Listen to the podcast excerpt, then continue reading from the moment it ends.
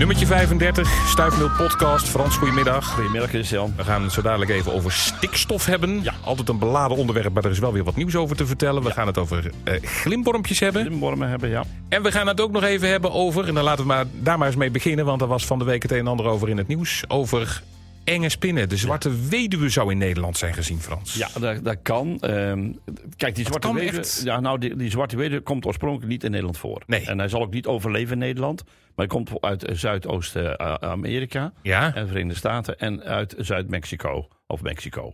Da daar, daar leeft dus die, die zwarte weduwe. Wat er gebeurt is dat er, eh, dat is ook weer een voorbeeldje. En eh, ze hebben een keer een, een zwarte weduwe gevonden in een geïmporteerde auto uit Amerika. Ja. Eh, het kan ook eens een keer zijn dat iemand zeg maar daar geweest is in, in die landen. En dat er een, een koffertje, zo'n spin is ingedoken. Want ze zijn niet zo groot.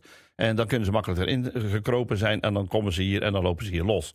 Maar tot op heden toe zeggen alle spinnendeskundigen dat deze beestjes hier niet kunnen overleven. Omdat de temperatuur niet zo goed is zoals ze daar in Zuid-Amerika zijn. Of in het zuiden van eh, de Verenigde Staten. Ja, een beetje het, het Latijns-Amerikaanse gebied, zullen we maar Ja, zeggen. precies. Ja, daar, dus in Californië en, en Mexico en dat, noem maar op. Ja. En dat betekent dus dat ze, dat, dat ze hier wel naartoe komen, maar dan met alle spullen die wij dan daar of bestellen of, of eh, zeg maar eh, Ja. meenemen. Ja. Maar dat is natuurlijk niet altijd zo, want in in één eh, geïmporteerde Amerikaanse auto, hoeveel worden er per jaar ge- geïmporteerd? Heel veel. Ja. Ehm, eh, ze, ze, ze zien ook dat die beestjes hier niet kunnen overleven. Het is wel zo dat familieleden van die zwarte weduwe hier zijn. En dat zijn dus de kogelspinnen. Nou, die kogelspinnen, die zijn, ja, laat ik zo zeggen. Eh, als je kijkt naar bijten van spinnen in Nederland, gebeurt Ja. bijna nooit. Nee. Het kan alleen maar zeldzaam gebeuren door, waar we het vorige keer over gehad hebben, die kerkzesoog. Ja. En die komt vooral voor in Zeeland. Ja. En er zitten hier oude muren. En als je nou toevallig je hand op zo'n muur legt.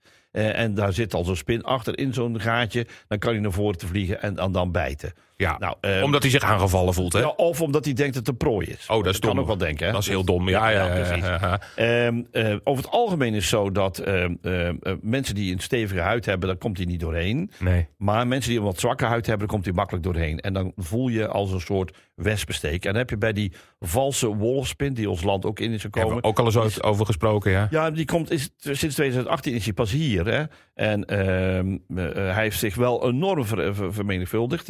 In vier jaar tijd is hij overal eh, bijna te vinden in Nederland. En die, kunnen, die hebben ook flinke kaken, die kunnen ook wel flink bijten. En dan, wat voelt dat dan? En bij die kerkzessen ook, dat voelt dan als een soort wespensteek. Oké. Eh, maar bij de meeste mensen komt hij er niet in. En waar, waar ze het beste zeg maar, eh, in kunnen bijten als, hè, voor, voor een steek te leveren. Ja. Dat is dus tussen de zachte plekjes die op ons lichaam zijn. Bijvoorbeeld tussen je vingers in. Oké. Als je daarin bijt, dan voel je dat wel zeker. Oké. Maar als je een huid bijt van, en je hebt een beetje een taaie huid. Ja, dan, dan komt je er echt niet doorheen. Nee. Dus dat, dat zijn dus de soorten die dat kunnen. Er is nog een andere soort, je hoort ook bij die kogelspinnen. Nou, die kerkzesoog niet, dat is een heel aparte familie. Kerkzesoog, dat betekent al dat hij maar zes ogen heeft, terwijl de meeste spinnen acht, Acht ogen hebben, ja? Maar die, die, eh, zeg maar die, die grote steodada, die Ja. hebben we al eens een keer eerder behandeld, ook in het stuif. Ja. Die kan dus ook, en dat is ook dus eentje van de kogelspinnenfamilie, die kan dus ook eh, wel stevig eh, bijten. Oké, dus dan hebben we het over een aantal spinsoorten die familie zijn van die zwarte weduwe. Ja. Die zwarte weduwe zelf, daar hoeven we niet zo bang voor te zijn. nee. Want er is er dus wel. Er zijn er hier wel gezien. Ja. Maar, dat, maar niet alle zwarte weduwe. Want als, als, het, als we naar een film kijken en het gaat over een giftige spin, dan is dat de zwarte weduwe. Ja, precies. Maar, maar die soort hebben we hier nog niet, Nee, eh, niet nee, gehad. nee, nee, nee. Die, die soort die, die, die overleeft niet in Nederland. Het kan zijn dat die een keer geïmporteerd is met eh, Ja. een doos bananen of een, een auto die hier naartoe komt. Ja. Ja, dat kan. Maar dan overleeft hij het niet. Die gaan ook meestal dood. En wat het over het algemeen is, dat wordt er, die worden dan ook ontdekt. En die worden naar zeg maar, de diverse eh, reptielen eh, zeg maar, eh, musea ja. toegebracht. om daar zeg maar, of te dienen als voedsel. Of eh, zeg maar, om te laten zien hoe zo'n beestje eruit ziet. Oké, maar mocht je toevallig tussen de bananen er een tegenkomen, de kans dat, die, eh, dat, je, dat, dat je dat niet gaat overleven, deze confrontatie, die is nieuw. Nee, ja, die is echt niet heel daarbij. Wie bestelt er nou een doos bananen uit Mexico? Om maar eens iets te noemen. Nou, ja, eh, ik ken een voormalige NCRV-presentator die dat volgens mij gedaan heeft. Maar, eh, maar daar gaan we maar. Die deed dat weer om een andere Die deed er reden. iets anders mee ook. Die deed er wat anders. En er zat ook wat anders spul bij. Goed. Eh, dus hopelijk is daar bij iedereen mee gerustgesteld Ja, weer. Ja. Ehm, ja, iets waar we ons wel altijd zorgen over moeten maken. En, in, en dat in, in, laten we zeggen, breder perspectief ook. Ook Ja. vanwege de gevolgen. Dat is de stikstof.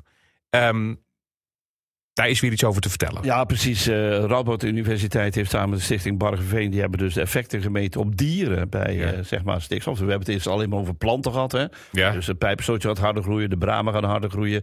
En dat zie je ook, hè? dus de ijsvogelwanden in de beken. hè. De beken hebben een, een steile wand en een slappe wand. Hè? Dan komt er de stroming eh, langs schieten en dan krijg je zo'n steile wand. Er Ja. groeien allemaal bramen overheen. Er komen enorm veel bramen groei door die, door die stikstof. Maar nou hebben, de, hebben deze organisaties, Radboud Universiteit en Stichting eh Bargeveen op 8 juni eh, een rapport eh, de wereld ingestuurd waarin ook staat dat die stikstofdepositie ook de bodemkwaliteit verandert en daarmee een ja, voedselarmer ecosysteem doet ontstaan. Ja. En dat betekent ook weer dat dus dieren daar last van kunnen krijgen.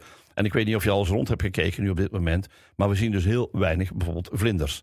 Dat heeft het effect van stikstof Mhm. plus de verdroging, die hebben met elkaar te maken. En dat betekent dus inderdaad dat wij dus steeds minder eh, zeg maar plantensoorten krijgen die zich verder ontwikkelen. Als, als je dus nagaat dat eh, pijpenstrootje hele hei- vlaktes van de heide bezet, ja, dan kunnen daar verder geen dieren leven. Dus de, de impact op die dieren is veel groter dan we in eerste instantie gedacht hadden. Want we dachten, ja, zo'n pijpenstrootje, oké, het is veel te veel. Ja. Maar die blijkt de impact veel en vele malen groter te zijn. Daarbij is het ook nog eens een keer zo dat eh, als eh, zeg maar bepaalde eh, streken pijpenstrootje staat. en, en, en koeien eh, en, en, en paarden grazen daar. Ja. Die, die, die, die gaan daar niet mee grazen. Hoe komt dat nu? Pijpenstrootje is een heel bijzonder plantje. Dat, dat ga- gaat in het najaar alle groene levenskorrels, hè, noemen ze dat, gaan terugtrekken in de pollen en in de wortelsystemen. En dan staan er allemaal van die bruine, zeg maar, steeltjes staan er in de lucht te hangen. Ja. In het voorjaar komt onderaan bij de pol, komen de verse groene blaadjes eruit. Een koe die duikt naar beneden toe om zo'n ding te pakken. Maar die moet dan door die bruine stelen heen. En die zijn keihard. Eenmaal in de lip geprikt of in de neus of in de ogen... gaat die koe nooit meer terugkomen daar op die plek. Want dat is een vluchtdier. En dat betekent dat op het moment dat hij pijn krijgt... Hè, dat, doet dat, dat doet Ja, ja. dan... dan gaat hij daar niet meer eten. Dus dat betekent dat het ook niet meer gegraasd wordt. Dat betekent dus ook dat er ja, verder ontwikkelt een pijpenstootje dan... en verder andere planten niet. Dus dat betekent dan weer eh, andere dieren die daar op, eh, zeg maar, bijvoorbeeld op de heide zitten... of op Ja. eh, beenbreken of op gewoon paardenbloemen. Ja, die kunnen niet meer, want die paardenbloem wordt overroeld door dat pijpenstrootje. Dus dat effect op die dieren is groter... en dat hebben zij nou bewezen door onderzoek...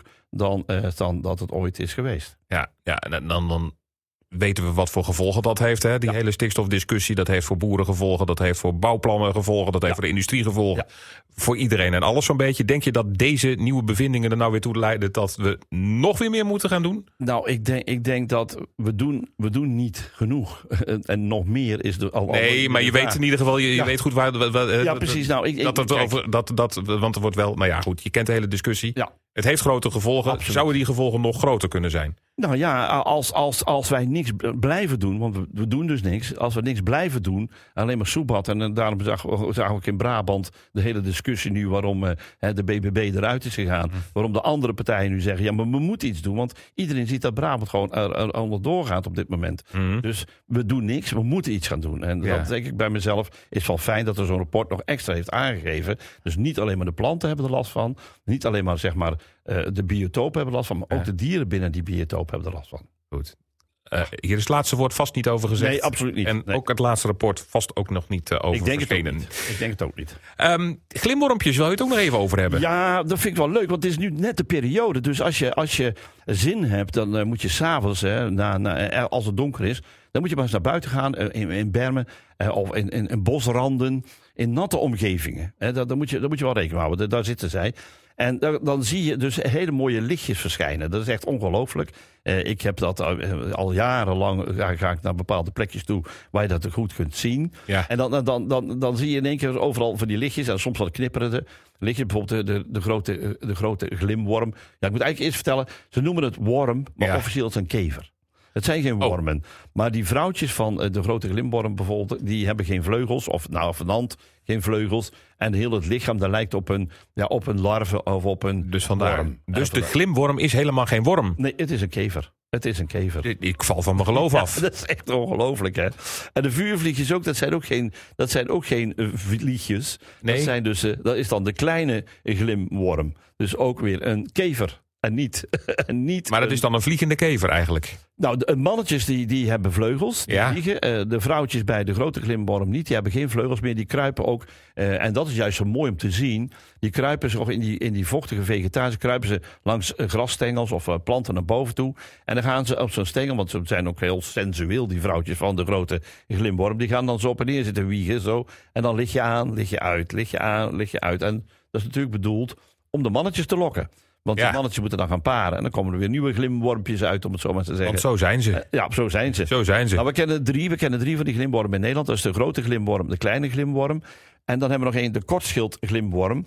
Maar dat is een hele lastige, want die is bijna niet te zien. Want allebei, mannetje en vrouwtje, hebben geen vleugels. Ja. En ze lijken allebei dus op een worm. Eh, en ze zijn heel erg, eh, ja, moet ik zeggen, heel erg schuw. Dus je ziet ze bijna nooit. Ze geven ook, die, deze geven wel een beetje licht, maar niet veel licht. Dat doen vooral de vrouwtjes, de mannetjes niet. Maar die andere twee die geven wel licht. En dan heb je dus zeg maar bij die kleine glimworm, heb je dus ook nog dat die mannetjes vliegen Ja. en dan licht geven. Dus dan Oh. zie je af en toe zo'n lichtje voorbij vliegen. Ja, dat is echt Ja, dat fantastisch is leuk om te zien. Maar Maar dus dit is de periode. dit, is, dit is het moment, nu, nu gaat het je opvallen als het Ja. goed is.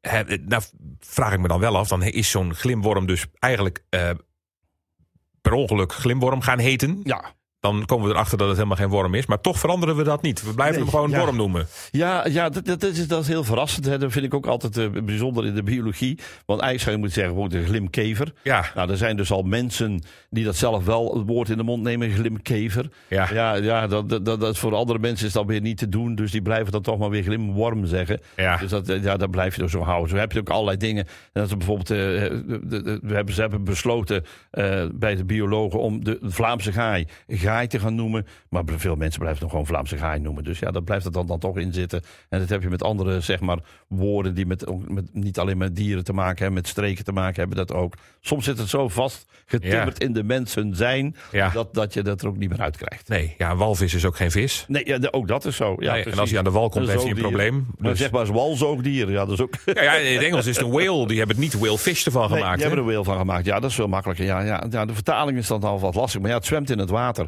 En vroeger met de katholieken, dat is nog wel een leuk, een leuk eh, eindpuntje. We hebben het over Glimworm. Maar vroeger Ja. was zo de katholieken die in, eh, zeg maar in natte streken bij, bij beken woonden of bij, bij grote riviertjes. Hè, want je weet, op vrijdagmorgen de katholieken mochten dan geen, geen vis eten. Nee, nee, nee. Maar eh, de katholieke kerk had besloten, die mensen die langs dan grote rivieren en, en beken woonden waar bevers zaten, die mochten wel bevers eten, want die zwommen ook. Nou ja, het is een rekkelijk geloof af en toe, hè, het katholicisme. Dat blijkt in dit geval dan ook alweer. Hè. Eh, ten slotte, Frans, we hebben het vorige week en de week ervoor vrij uitgebreid over de droogte gehad. Ja. Wat is daar het laatste over? Want we hebben inmiddels al wel in ieder geval één dag gehad dat het de hele dag door eh, behoorlijk doorgegaan Maar is. je hebt zelf gezien hoe ver dat dat verdween, en verdwijnen en verdwenen is. Eh, ja. Het is gewoon echt weg. En ik ben de laatste weer bij de Venne geweest. Nou, die zijn we terug aan het trekken. En we hebben maar één dag regen gehad. Maar kijk eens gewoon rond. als je door steden rijdt, door dorpen rijdt. Die bermen zijn allemaal bruin. Alle Mhm. planten zijn daar gewoon verdroogd, verbrand. En dat is dus zeg maar, als dat ene dagje wat al gevallen is. Dat is echt een heel minimaal druppeltje op een gigantisch grote groeiende plaat. Ja, maar er komt wel wat meer regen aan. Hè. Er komen wat Ja. buien de komende Ja, tijd. er En dat is buien nodig aan. ook. Of dat, of dat. Kijk, ik ben, ik ben redelijk pessimistisch. Ik ben een optimist, maar in dit geval ben ik Mhm. redelijk pessimistisch.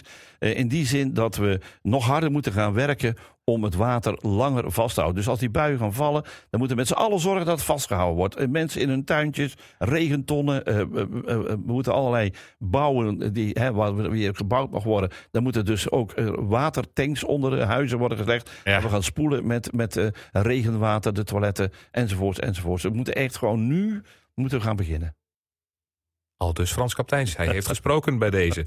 Eh, we komt trouwens, en dat is ook misschien wel weer aardig voor de mensen die dat nog niet weten. We hebben behalve deze podcast ook nog een potwalk. Ja, absoluut. En morgen op maandag de 26 juni komt er weer eentje online te staan. Dan gaan wij de Pettelaar in. Ja, daar gaan we Dus- de vetlaar in. Ja, heerlijk om de hoek van het provinciehuis. Langs de A2, daar kun je gewoon mooie natuur vinden. Ja, precies. En waar vroeger de familie De Gruiter gewoond heeft. Dus Piet en Dief, eh, ze na zaten hebben daar een tijd gewoond. Ah, en, en de familie Kapteins heeft er ook sporen nagelaten. Ja, dan moeten ze maar goed luisteren naar de Zeker. potwalk. Morgen komt hij dus online. Zoek hem even op. Potwalks met Frans Kapteins kun je met ons in de oortjes aan de wandel. En eh, dan hoor je eh, heel veel wat je normaal gesproken niet zou weten als je daar gewoon aan het wandelen bent.